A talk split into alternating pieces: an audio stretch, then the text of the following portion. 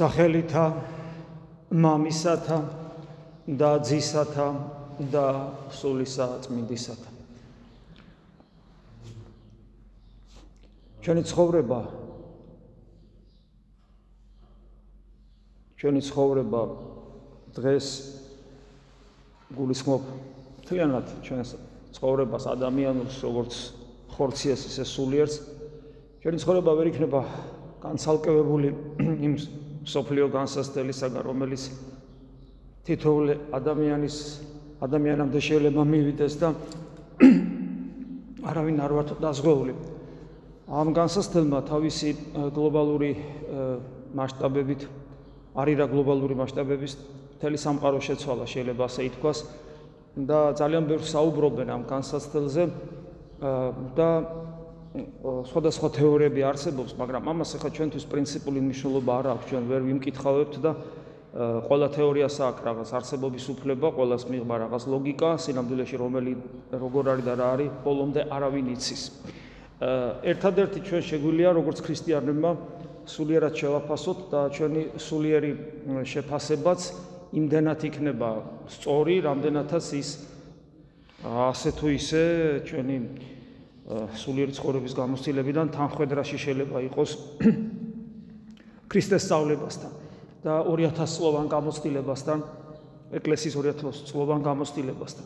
სხვაგვარად უბრალოდ ჩვენ გაგვიჭirdება რომ ჭეშმარიტების გზაზე ვიდგეთ და შეიძლება მას ავწდეთ. ახლა რაც შეეხება როგორ უნდა შევაფასოთ ეს მოვლენა ჩვენ სულიერად რა თქმა უნდა ერთ-ერთი მთავარი რაც არის გასაკეთებელი ამ დროს არის ის რომ დავინახოთ არა მარტო მინუსები არამედ პლუსები ყოველ განსასწრებში ზოგადად და ამ განსასწრებშიც. და ეს მინუსები და პლუსები შეიძლება მსგავსი იყოს ის რაც ხდება სოფლიოში მსგავსი იყოს იმისა რაც ხდება მოხდეს ეკლესიაში.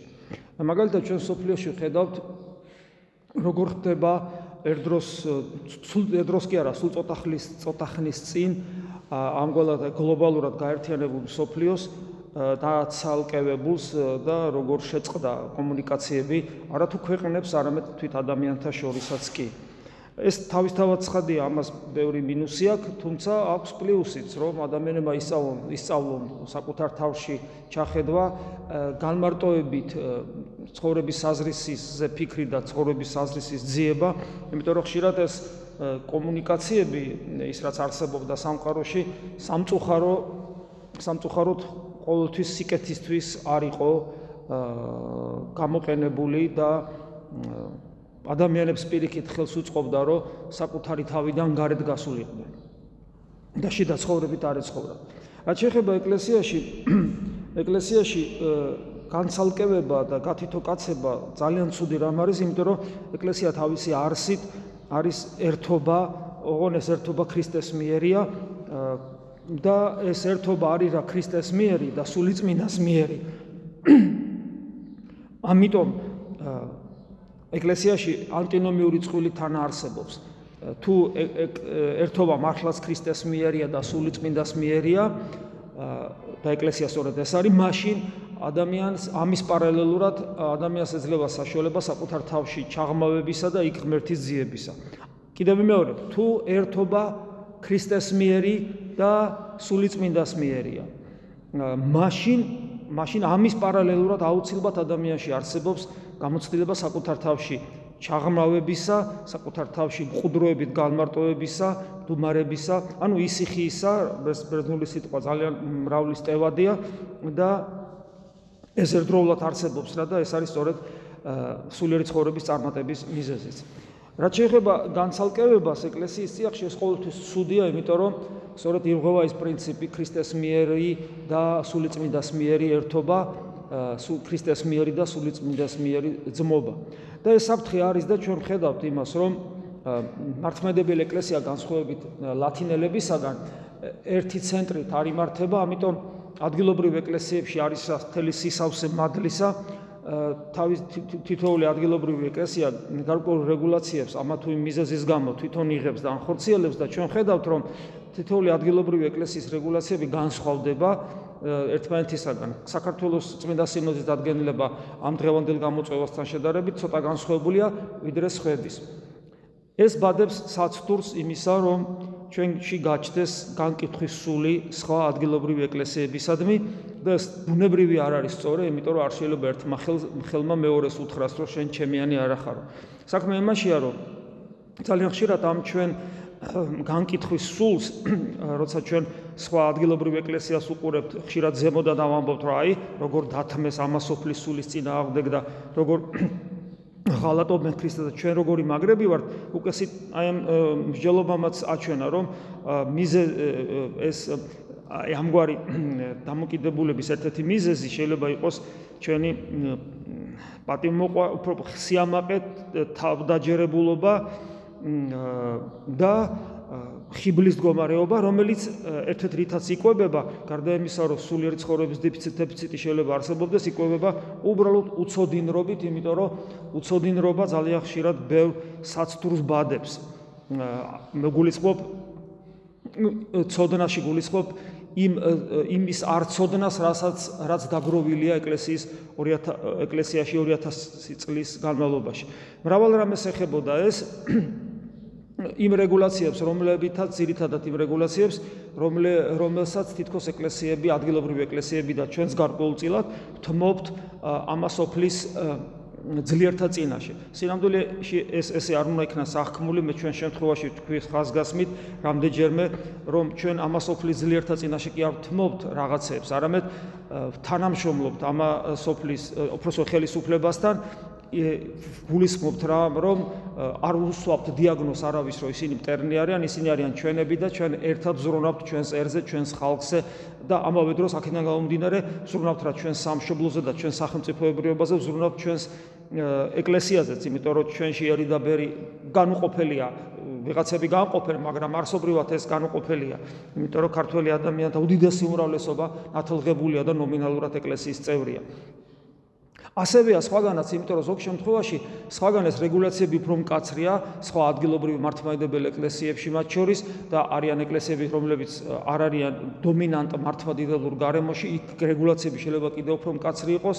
ეს მკაცრი რეგულაციები ხშირად გამოწვეული არის იმ ძიმე მდგომარეობიდან, რომელიც იქ არის და ჩვენთან მადლობა ღმერთ, ჯერ ეს ძიმე მდგომარეობა არ არის და რა თქმა უნდა გსურს რომ ეს ძიმე მდგომარეობა არ იყოს, მაგრამ თუ აქ მდგომარეობა დამძიმდა, შეიძლება აქ რეგულაციები კიდევ უფრო გამკაცრდეს და შესაბამისად ჩვენც ადეკვატური რეაქცია გვექნება. ანუ მე გულისხმობ თანამშ არა ხისტ პოზიციას ხელისუფლებისადმი, არამედ მორჩილებას ამ შემთხვევაში ხელისუფლებისადმი, როგორც თქვათ, ხედა, რომელსაც ხედავ ჩვენ წმინდა წერილში, სხვათა შორის, იგივე პავლე მოციქულთანაც და ეს ძალიან მნიშვნელოვანია. ძალიან დიდი სიბნელე ჭირდება თითოეულ ჩვენგანს, რომ სიმართლის დაცვის მიზეზით არ გავხდეთ მიზეზნი საზოგადოებაში არასწორი განხეთქილებისა, რომელიც ქრისტესათვის სათნო შეიძლება სულაც არ იყოს. და როდესაც ჩვენ ხედავთ, რომ ზოგიერთი ადგილობრივი ეკლესია უფრო მეტად თმობს და უფრო ძლავრი რეგულაციები შემოაქვს თავის ღვთისმსახურებაში, არ განვიკითხოთ ისინი რამე თუ იქ მძიმე მდგომარეობა გაცილებით მძიმეა და შესაბამისად ხელისუფლების სამართლიანი მოთხოვნების და გამკაცრება ამ რეგულაციებისა ის ის ისიც უფრო მძიმეა და ჩვენ რომ მდგომარეობაში ვიყოთ ჩვენ არ ვიცით როგორ და რანაირად მოვიქცევით. გარდა ამისა ეს ეხება სახურების ისეთ საკრალურ ნაწილსაც როგორიც არის ზიარება და ჩვენ ასევე ხშირ შემთხვევაში განვიკითხავთ იმ ადგილობრივ ეკლესიებსაც რომლებმაც ზიარების წესში პატარა ცვლილებები შეიტანეს და აგრეთვე იმ სასულიერო პირებსაც, რომლებიც ამ თემაზე საქართველოს მართლმადიდებელ ეკლესიაში საუბრობენ და ხშირად მათ ჩვენ დიაგნოზს უსვავთ, რომ ისინი თითქოს ან ლიბერალები არიან, ამ სიტყვის რა თქმა უნდა, ცუდი გაგებით, ან რწმენაში სუსტები არიან. აი დღეს მაგალითად საიდუმლო ლოცვებში აღმოვიკითხეთ, რომ ვინც ღირ როცა ვეზიარებით თხოვთ უფალს რომ ზიარების შემდგომ ქრისტე დამკვიდრდეს ჩვენს გულში. ბუნებრივია თუ ქრისტე ამკვიდრობს ჩვენ გულში ადამიანთან რა როგორ შეიძლება ადამიანი ან ავად გახდეს რაიმეთი ან ან რამე ხიფათი ემუქრებოდეს თუ არა ღვთისგანგებულება თუ არ არის ესეთი თქვა და ღვთისნება ხო? მაგრამ იქ არის ძალიან საინტერესო მინიშნება. ის ვინც ღირსეულად ეზიარება ამ საიდუმლოებას, რომელსაც ევქარისტიანო საიდუმლო ზიარების საიდუმლოება ქვია. ღირსეულა. აქ ღირსეულ ზიარებაზე საუბარი, იმიტომ თუ ადამიანი ღირსეულად არ ეზიარა, მას არანაირი გარანტიები ის რომ დაცული იქნება ყოველგვარი ხიფათისგან ბუნებრივად არ აქვს. შესაბამისად არ ვიცით რა, რომელიც ჩვენგანი ვეზიარებით ღირსეულად, ძალიან ხშირად ვართ რა პეტრე მოციქულის იმ მდგომარეობაში, იმიტომ რომ პეტრე მორწმუნია, როცა უფალი უფალს თხოვს რომ გადმოვალ წყალზე და შენთან მოვალ, მაშინაც მორწმუნია პეტრე და პეტრე როცა წყალში იძირება, მაშინაც მორწმუნია. პეტრე როდესაც ეუბნება პეტრე როცა מחვილს იშიშულებს და უშიშრად დაიწყებს ბძოლას მომხტურთა წინააღმდეგ რომლებსაც რომლებსაც ქრისტეს დაჭერა სურს სურთ შეერაღებული ხალხის წინააღმდეგ და მალქოს ყურს მოკვეთს მაშინაც მორწმუნია პეტრე მაგრამ მაშინაც მორწმუნია პეტრე როცა ამბობს რომ მე მაგ კაცს არ ვიცნობო ქრისტეზე როცა ამბობს. მაგრამ ნახეთ პეტრეს რწმენა როგორი რყევადია როგორი რყევა პეტრას პეტრეს რწმენა და როცა მისი რწმენა დაბალ ნიშნულზია იქ წყალში იძირება იქ ქრისტეს უარყოფს. ანუ როცა ეს მაგალითი მაქვს მეწმინდა წერილში, რამდენად შემილია ვიყო ვაშკაცი ამ სიტყვის სუდი გაგებით და ვთქვა, რომ იცი რა, მე ისეთი მაგარი რწმენა მაქვს, არ შეიძლება ასეთი ქედმაღლობა და როცა ადამიანი რომელიმე სასულიერო პირი ფაქიზად საუბრობს ამ თემაზე, არ შეიძლება მისი განკითხვა, იმიტომ რომ ნებისმიერი განკითხვა ეხლა ერთმანეთისა, ნებისმიერი დაშორიშორება. ჩვენი სასულიერო პირებს შორის სამრევლო ერთი სამრევლოსი მეორე სამრევლოს მიმართ ადგილობრივი ეკლესია როცა განიკითხავს მეორე ადგილობრივ ეკლესიას და ზემოდან უყურებს. ეს ყველაფერი მხოლოდ იმ სულისათვის არის სასიამოვნო რომელიც სულიც აქ დიდ რეპეტიციებს დგავს ამ გასასწრელი ჟამს და გვაკვირდება მეგულისხმობ დემონურ სამყაროს აბა მართმადიდებლები როგორ იქცევიან. თუ გაუძლებენ ამ გამოცდას იმიტომ რომ თუ ჩვენ ამ გამოცდას ვერ გაუძელით რომელიც ერთგვარი რეპეტიცია შეიძლება იყოს იმ დიდი გამოცდისა რომელიც ანტიქრისტესოს იქნება ჩვენ იმას როგორ გაუძლებთ. ამიტომ წმენაში მткиცემ ყოფობა ნიშნავს ერთობის სულის შენარჩუნებას, განუკითხელ ურთიერთობად ერთმანეთისადმი და გავიხსენოთ პავლე მოციქულის სიტყვები, როდესაც იგი ამბობს მჭამელი არამჭამელს ნუ განიკითხავს და არამჭამელი მჭამელს, იმიტომ რომ ყოველ თითოეული ჩვენგანი ღვთის წინაშე დგას და უფალმა უწყის ჩვენი გულის мотивაციები, რომლისგანაც ჩვენი მოძრაობები და სიტყვები წარმოდგება ამ ამ სოფელში და ეს არ უნდა დავივიწყოთ. რაც შეეხება იმ საკრალურ საკითხთან დაკავშირებით, როცა ზიარ ზიარე ორი საკრალური საკითხია.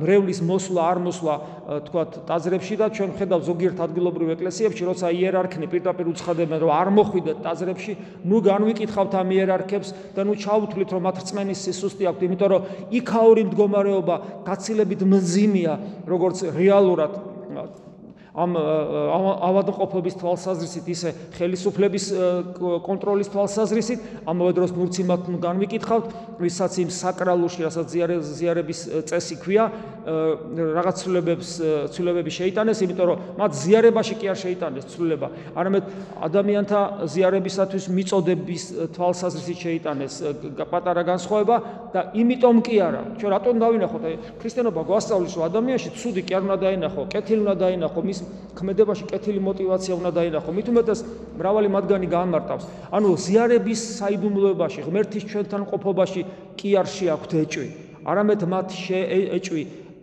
კი არ შეაქვთ ეჭვი, არამედ ისინი ითვალისწინებენ ამასოფლის სულის დაწოლას ხელისუფლებაზე და შემდგომ ხელისუფლება რო უხერხულ სიტუაციაში არ ჩააგდონ, რომელიც რომელსაც სხვა გზა არ ექნება, თუ არა ის რომ ეკლესიას რაღაცები მოთხოვოს და უფრო მეტად გაამკაცროს. უფრო რაღაცა მცირეც მობენ, რომ დიდი შეინარჩუნონ, კეისას კეისას აძლევენ, რომ ღმერთს ღვთისა მისცენ და ეს არ უნდა დაგვავიწყდეს. გარდა ამისა, გარდა ამისა, ეკლესიის 2000 სლოვანი გამოცდილება ჩვენ გვამცნობს, რომ წესების ზიარებისა სხვადასხვა არსებობდა და მათ შორის ჩვენ ხედავთ განსასწრელების ჯამს, გარკვეულ რეგულაციებს ზიარების მიცემასთან დაკავშირებით, ისეთ ავტორიტეტებთან, როგორიც არის სერბეთის გარდაცვლილი პატრიარქი პავლე, რომელიც უდიდესი ავტორიტეტი ეკლესიაში, ისეთი უდიდესი წმინდანი, როგორც წმინდა ნიკოდიმოს მთაწმინდელია. ჩვენ ამათა ამ დიდ მოღვაწეებშიც და მათ შორის აი კანონიზებულ წმინდანშიც კი ვხედავთ გარკვეულ რეგულაციებს ასეთი განსასწრელი ჟამს ითვალისწინებდნენ რა ადამიანის მცირედ მორწმუნეობას, როცა აი როგორც პავლე მოციქულმა თქვა, მჭამელი არამჭამელს ნუ განიკითხავს და პირიქით. ეს არის. ათ შეთხება ჩვენ შემთხვევაში, ჩვენ შემთხვევაში ჩვენ ვემორჩილებით ჩვენი ეკლესიის წმინდა სინოდის დადგენილებას და არც მის დადგენილებაში შეგვაქვს მის დადგენილების ჭეშმარიტებას შეგვაქვს ეჭვი და როგორც წმინდა სინოდი გვაკურთხებს ამ შემთხვევაში, ისევ მოქმედებთ და ისევ აკეთებთ ზუსტად. ეხლა ეს ყველაფერი, ამ ყველაფერზე რომ ვისაუბრე, მე მინდა ამის ფონზე, აი ამ საუბრის ფონზე, რომ არ განვიკითხოთ და განვარჩიოთ ერთმანეთისაგან მთავარი და მეორე ხარისხოვანი და როცა მეორე ხარისხოვანში ცვლილება არ ჩაუთვალოთ ამ ცვლილების მოსურნეებს რომ მათ მთავარში ეჭვი ეპარებათ არამედ ისინი ამას აკეთებენ კიდევ ერთხელ ვამბობ იმიტომ რომ გარკვეულ ანგარიშს უწევენ ხელისუფლებას, რომ მათ არ მისცენ ბერკეტი დამატებითი ჩვენი ბოლომდე შევიწროებისა. ეს ერთი და ითვალისწინებენ ადამიანის სულიერ სისუსტეს, ადამიანების სულიერ სისუსტეს და არა იმას, რომ ეჭვიში აქვს საიდუმლოების დიდებულებაში და ღმერთის ჩვენთან ყოფობაში საიდუმლოების მიერ ზიარების საიდუმლოებას გულისხმობ. ამის ფონზე მე მინდა წარმოვაჩინო კიდევ ერთხელ რამდენიმე ამონარიდი, რომელიც წმინდა نيكოლოზ კავასილას ეკუთვნის, თუ რას ნიშნავს ჩვენთვის ქრისტესთან ერთობა და ზიარების საიდუმლოება. მე წავიკითხავ ცოტა ვრცელი ამონარიდია, მაგრამ ძალიან მნიშვნელოვანია, მე ვფიქრობ და კიდევ ერთხელ გაგვაძლიერებს ჩვენ ეს ამ განსასწრელი ჟამს. წმინდა نيكოლოზ კავასილა მსჯელობს. ქრისტე იმავე გზებით აღწევს ჩვენ სულში რომლებითაც სხეულის სიცოცხლეს ვინ არჩუნებს. იქ სუნთქვასაც ახსენებს, როცა გონიელოს ვასახება კავასილა და ამ შემთხვევაში, როცა ზიარებას ახსენებს, იგი ამბობს: საჭმელი ხდება იგი ჩვენთვის. ანუ რითაც ჭამთ, იმით შემოდის ჩვენში და ამრიგად სრულად გვიერთ, სრულად გვიერთდება. ქრისტე სრულად გვიერთდება, საკუთარ სხეულად გვაქცევს მასთან ერთობა, რომელშიც ჩვენი სული და სხეული უცვალებლად, შეურევნელად და განუშორებლად საიდუმლოებრივად უერთდება მას, მისი მკვდრეთით აღმდგარი ყოვლის შემძლე სხეულის ზემოქმედებით, სრული ადამიანური ბუნების მისი ყველა ძალის მეტამორფოზა, გარდასახვა, განახლება ხდება. ისი ისინი ქრისტეს მკვდრეთით აღმდგარი, ანუ ადამიანის სხეულის ნაწილები რომლის მეტამორფოზა გარდასახვა ხდება და განახლება, ისინი ანუ ეს სხეულის ნაწილები ადამიანის ქრისტეს ყდრეთი ყდრეთით აღმდგარი სხეულის ძალები ხდებიან. დიადი ძალნი, ანუ ქრისტეს ძალნი, ცირეთ არ მისცემენ შესაძლებლობას, ანუ ქრისტე არ გვაძლევს ჩვენი მის შესაძლებლობას იმათ დარჩნენ, რაც იყვნენ. გასაგებია რომ როცა ჩვენში ქრისტე შემობრძანდება და საკუთარ თავთან გვაერთებს, იგი გცვლის და საკუთარ თავად გარდა ქმნის მსგავსად უსაზღრო ოკეანეში ჩაღრილი მცირე წვეთისა. نيكოლას კავასილა დაბაჯიტებით ბრძანებს იმის გამო რომ უფალი თავის შეულად გვაქცევს, ამიტომ იგი ჩვენთვის იგივეა რაც შეულისათვის თავი. ჩვენ ჩვენ ყველა იმ სიკეთეს ვეზიარებით, რაც მასთანაა, რამე თუ იგი თავია, ხოლო თავი კუთვნილე თავის კუთვნილება კი სხეულშიც გადადის. ჩვენ ხო ეკლესია ვართ, ეკლესია ხო სხეულია ქრისტესი და ქრისტე თავია. ამაზეა საუბარი. ანუ თავის კუთვნილება სხეულშიც გადადის, ანუ ჩვენ ეკლესიაში, ანუ ჩვენში და აქედან რა ზღებულობთ? საუკეთესო სუსტს გადაძალავს. ღმრთაებრივი ადამიანობს და როგორც წმინდა პავლე მოციქული ბზანებს, არა გუნებავს განძარცვათ, არამედ შემოსვათ, რათა დაინთქას მოკვდავი იგი ცხოვრებისგან, ანუ რათა ცოცხალმა თანთქას მოკვდავი. ეს კორინთელთა მეორე ეპისტოლედან იყო. ასევე პავლე მოციქული ამბობს, ცხოველ, ანუ ცოცხალ არღარა მე ვარ, არამედ ცოცხალ არ ჩემთანა ქრისტე. ეს გალატელთა მიმართ ეპისტოლე. ანუ ადამიანი იწყებს ცოცხლებას, სიცოცხლეს ქრისტეში. ღვთაებრივ ევქარისტიაში, როგორც წმინდა კავასილა წერს, نيكოლოზ კავასილა წერს, სრულად მყოფობს და სრულად მყოფობს. აი აქ არის ხოლმე ხანდახან იყო საუბარი თეოლოგიური ლოგიკა. თქვათ, რომ აი რო ვეზიარებით, აბა რა ხდება და რამდენად ღმერთი იმყოფება ჩვენთან თუ არ იმყოფება და აი წმინდა კავასილა ასე წერს. ღვთაებრივ ევქარისტიაში სრულად მყოფობს და გვეძლება ქრისტეს ხეული უფრო ზუსტ უფრო ზუსტად სრული ქრისტე. სიტყვა ღმთისა მის მიერ მიღებული ხორცით ანუ ადამიანური ბუნებით და ყოველივე აღსრულებულით. ამე თუ ჩვენ ქრისტეს ძღვენთაგან რაიმე მცირეც კი არა არამედ მას ვიღებთ სრულად. სწორედ ევქარისტიაშია ქრისტიანული სულიერი ცხოვრების არსიც და დასაწყისიც ქრისტესთან ერთობის სისავსე და განსრულება, სრული ადამიანი, ყოფიერების ყოველ დონეზე, ყოველი ყოველგვარი სულიერი და ხორციელი ძალებითა და გზნობებით და რაც თავარია, სიღრმისეული კავშირით ქრისტესთან, ანუ სრული ადამიანი ქრისტესთან სიღრმისეული კავშირით იცვლება და განიღმრთობა მასში. ანუ მთელი ადამიანი განიღმრთობა მასში. ო აღმოსთქვავს წმინდა نيكოლოზ კავასილა სიდიადე საიდუმლოებისა როგორი ხდება ჩვენი გონება როდესაც მას ხო თაებრივი გონება მოიცავს როგორი ხდება ნება როცა ღმრთაებრივი ნება მყოფობს როცა როგორი ხდება გული როდესაც მასზე ღვთაებრივი ცეცხლი იმარჯვებს. და ეს ყოველივე მხოლოდ სუბიექტური განცდა არაა ეს რეალობაა. კავასილას მაგალითისათვის წმინდა კავასილას მაგალითისათვის წმინდა ნიკოლოზ კავასილას პავლე მოციქული მოყავს, რომლის ადამიანური ძალები და გზნობები ქრისტეს ძალები და ქრისტეს ძალებში და გზნობებშია გარდასახული. ჩვენ გონება ქრისტესა ქრისტესი გვაქვს, გახსოვთ კორინთელთა მიმართ პირველი ეპისტოლედან. და ასევე პავლე მოციქულის სიტყვებია გამოცდას ეძიებთ მისა რომელი იგი ჩემიერი ტყვის ქრისტე ანუ იმის დასტურს ეძებთო მეტყოლებს თუ არა ჩემში იესო ქრისტე? და მე ეს კორინთელთა მიმართ მეორე ეპისტოლია და მე ამბობს? ვგონებ ვითარმე სული ღვთისა მაქვს მე ისევ კორინთელთა მიმართ ეპისტოლე პირველი. მიყვართ ხართ ყველანი იესო ქრისტეს სიყვარულით ფილიპელთა მიმართ ეპისტოლე. ცოცხალი მე კი აღარა ვარ არამედ ცოცხალია ჩემთანა ქრისტე გალატელთა მიმართ მიმართ ეპისტოლე. ნახეთ პავლე მოციქულის მთელი არსება, მთელი არსება ქრისტეთია გამსჭვალული და მე პავლე გვეუბნება მობაზავ ჩემ და იქმენით ვითარცა მე ქრისტესა. და მოციქულის ამ გამონათქვამებს, როგორც ღვთისმეტყველები ამბობენ, მაგალითად ისეთი ღვთისმეტყველი, როგორც არის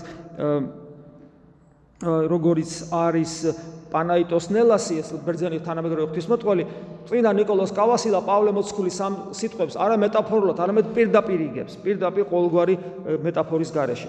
და კიდევ ერთი ამონარიდი წმინდა ეკლესიის საიდუმლოებაში ღვთის მადლ ღმერთი მადლს მთელი სავსებით იძლევა. მთელი სავსები მაგრამ ეხლა აქ რაზეა საუბარი. ჩვენ კი დავინახეთ წმინდა نيكოლოს კავასილასთან რომელიც არ არის ორიგინალური ამ შემთხვევაში არამედ ძალიან ბევრი წმინდა მამა საუბრობს. ამაზე ჩვენ დავინახეთ როგორ რა ხდება ადამიანში როცა იგი ეზიარება. მაგრამ მაგრამ არა ადამიანის თანამონაწილეობის გარეშე, რაც თავიდან ითქვა. რამდენად ღირსეულად მივიახლები? ღირსეული მიახლება რას ნიშნავს ეს კიდე ცალკე თემა. ზოგს გონია ღირსებით მიახლება ნიშნავს რომ უცოდველი ხარ. უცოდველი როგორ ახარ? კაც უცოდველი მხოლოდ ღმერთია. უცოდველი კი არა ხარ. არამედ ღირსეული მიახლება ნიშნავს რომ ღვთის გულმხურვალეთ მაძიებელი ხარ. ანუ ხარ ადამიანი, რომელსაც ქრისტეს გარეშე მყოფობა არ შეუძლია. არა მხოლოდ არ უნდა, არც შეუძლია ქრისტეს გარეშე ყოფობა. ცოდვილიცა ვარ, ნაგავიცა ვარ, ყველა ყველა სიბინძურია ჩემში, მაგრამ ქრისტეს გარეშე ყოფნა არ შემიძლია. და შესაბამისად, მთელი ჩემი ცხოვრება არის სუნთქვა და გულისცემა ქრისტესთან ერთად მზერარ სადაც ქრისტეს ვეძებ ანუ ქრისტესთან რო ყოფობას რო ცდილობს ადამიანი. ამაში ეს ეს იგულისხმება ღირსეულ ზიარებაში და არა ის რომ ადამიანი ფარისეულად დაიბრინძება და გონია რომ მართალია. არა სოდვილი ნაგავი მაგრამ ქრისტეს გარეშე ყოფნა რო არ შეუულია აი ამას ნიშნავს ღირსეულად მიახლება საიდუმლოებასთან. და ესე იგი, როდესაც ხედავთ, რომ თელი სისავსით იძლევა ღმერთი მადლს, ხო? მაგრამ ნახეთ, ეგ არ არის საკმარისი, რადგან მადლის მიმღები თანამოქმედი, ანუ ჩვენ თანამოქმედი, თანამუშაკი უნდა იყოს ღმერთისა. რამე თუ როგორც წმინდა نيكოლოს კავასი ლაგზანებს, სწორია და სულიერ ცხოვრებასთან შესაბამისი რა, რომ სიცოცხლესთან ზიარებისას არ დავკმაყოფილდეთ მიღებულით, ვეზიარე და მორჩა და არ ვიყოთ უმოქმედოთ, რაც ქრისტიანთა უდიდესი უმრავლესობის დაავადება, როცა ისინი თვლიან, რომ რაღაცა გარეგნული წესი უნდა ასრულონ და მორჩა. არ ვიყოთ უმოქმედოთ, თითქოს უკვე ყველაფერს ვფლობდეთ. არამედ იმაზეც უნდა ვიზრუნოთ, თუ როგორ შევინარჩუნოთ მიღებული, რამე თუ მადლი მაშინ განგვწმენს და გვაკურთხებს წმინდა საიდუმლოებებში. გააგწმენს და გვაკურთხებს და შესაბამისად დაგვიფარავს ყოველგვარი ბოროტისა განასწავლებისაგან, როცა ჩვენში განწმენდისა და მადლის მიღებისათვის განწყობას და მზაობას ხედავს, ხოლო ჩვენი მოუმზადებლობის შემთხვევაში არათუ სარგებელს ნახავთ, არამედ ზიანსაც კი. ასე ბრძანეს მინდა نيكოლოს კავასილა, რომელიც რა თქმა უნდა შორს არ არის და ეხმიანება პავლე მოციქულის ცნობილ სიტყვებს რომ მრავალი ისჯება უღირსი ზიარების გამო, მაგრამ უღირსობაში მე გითხარით რა იგულისხმება, რა ცოდვილობა, ამით უცოდველი უცოდველი არავინ არა, არამედ აი შინაგარი გუმხურვალე მაძიებლობის სურვილის არქონა იგულისხმება უღირსებაში და ასეთები ვინ ვართ, ეს ჩვენ უნდა განსაზღვროთ. რა თქმა უნდა, ქრისტეს მუდამ ძიებას თავისი თანმდევის ათნობები ახლავს, მათ შორის როგორიც არის სიმდაბლე და მორჩილება. თუ ადამიანს სიმდაბლე და მორჩილება არ აქვს. შეიძლება ხმამაღლა ვთქვა აბსოლუტურად ტყუილად დადის ეკლესიაში და ტყუილ უბრალოდ ეზიარება. აბსოლუტურად ტყუილა. ხოლო რა არის სიმდაბლე და მორჩილება აი ე მასჭირდება ყველაზე დიდი სიბრძნე სულიერ ცხოვრებაში. ყველაზე დიდი ყველაზე დიდი სიფაქიზე რომ გაიგო გაარკვიო რა არის ეს? რა არის ეს? იმიტომ რომ ჩვენ ყველანი ამაყნი და პატიმოყარენი ვარ და არაფერს სიამაყე და პატიმოყარეობა ისი არ ებრძვის როგორც თავდაჯერებულობას, სიამაყესა და ამპარტავნებას. ასეთი ადამიანები, როგორც წესი, განცალკევებული ხდებიან ეკლესიის წმინდა სხეულიდან და მათთვის ყოველი ზიარება, რაც არ უნდა ხშირ, რაც უფრო ხშირად ეზიარება, უფრო უარესის და უარესის მიცემი ხდება. ამიტომ პირველ რიგში, რასაც ჩვენ ნანობთ ხოლმე ჩვენი ზეციური მამის წინაშე, არის ხოლმე სწორედ ეს, სიმდაბლე მოქცეს და ის ის ცოდვები, რომელიც გამომდინარეა სიამაყისგან, პატიმოყარეობისგან და თავ თავდაჯერებულობისაგან, რომელიც ადამიანს ხიბლში ამყოფებს და ვეღარაფერს ვეღარ ხედავს სულიერად აი ამ უბედურებისაგან გაგვანთავისუფლოს. ხოლო რაც შეეხება იმ გამოწვევას, ამით დავასრულებ, მითაც ჩვენ რის წინაშე ჩვენს დგავართ. და თუ ეს გამოწვევა თუ ეს გამოწვევა ისეთ მდგომარეობაში აღმოგვაჩენს, რომ გარკვეული პერიოდი წაგორთმევა საშუალება ევქარისტიაში მონაწილეობის მიღებისგან ხვალე რა იქნება, არ ვიცით, სხვა სახელმწიფოების მაგალითს უყურებ, ამან არ შეგვაშინოს, იმიტომ რომ გვახსოვდეს პავლე მოციქულის უმტკიცესი სიტყვები, რომ ვინ განმაშოროს მე სიყვარულსა ქრისტესა, იმიტომ რომ ჩვენ ეკლესიის ისტორიაში ვხედავთ უამრავ მაგალითს, როდესაც ადამიანები არასიზარმაცის გამო, არამედ ობიექტური რეალობიდან გამომდინარე წდებოდნენ გარკვეული პერიოდი ევქარისტიას, მაგრამ ისინი მადლს არ კარგავდნენ. ამის მაგალითები თუნდაც მარიამ ეგვიპტელი, თუნდაც ის ალექს ეგვიპტის უდანმოში ცხოვრები განდეგილი მამები, რომლებიც მთელი 48 დღის განმავლობაში გადიოდნენ ღრმა უდაბნოში და განმარტოვდებოდნენ და ისიხიას ეძლეოდნენ და ჩადიოდნენ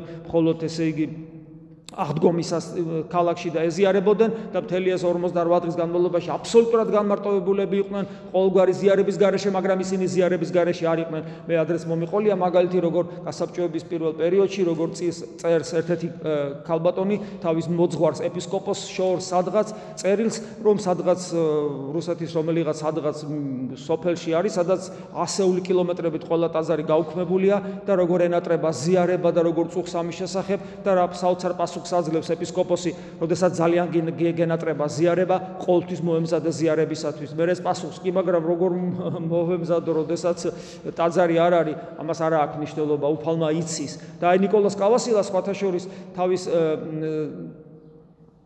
თავის უпроსორედ წმინდა ნიკოდიმოს თაწმინდელი თუ არ ვცდები, ამ ორიდან ერთ-ერთი მე უფრო უფრო წმინდა ნიკოდიმოს თაწმინდელი საუბრობს იმის შესახებ, რომ ზიარება ხდება არა მარტო ანუ ქრისტესთან ზიარება შეიძლება მოხდეს თქვა ევქარისტიულ საიდუმლოებაში უშუალო მონაწილეობის გარეშეც, როცა ადამიანს ობიექტურად არ აქვს საშუალება მიეახლოს ქრისტეს ხორცსა და სისხლს, და უნდა ზიარება ქრისტესთან, ქრისტე მას არტოვებს და მაინც აზიარებს, ამის ანუ სულიერი ზიარება როგორ ხდება, ამაზე საუბრობს, მათ შორის მიცვალებულები რომ ეზიარებიან ქრისტეს, როცა ჩვენ მათ მოვიხსენებ და მათ სახელზე ამოკვეთილ ნაწილს ბარჯიმში ჩაუშვებ, მათი სულები ეზიარებიან ქრისტეს და მონაწილეობას ღებულობენ საიდუმლოებაში, ანუ რატო? იმიტომ რომ ხორცით არ შეუულია მიახლონ, ასევე შეიძლება დედამიწაზე ჯერ კიდე ხორცი მყოფ ადამიანს. შეიძლება წაერთვეს საშუალება ხორცით მიახლოს წმინდა ბარძიმს და მაშინ უფალი მას უზიარებელი არტოვებს, ოღონ ამისათვის საჭიროა ის, რაზეც წეგან საუბრობდით,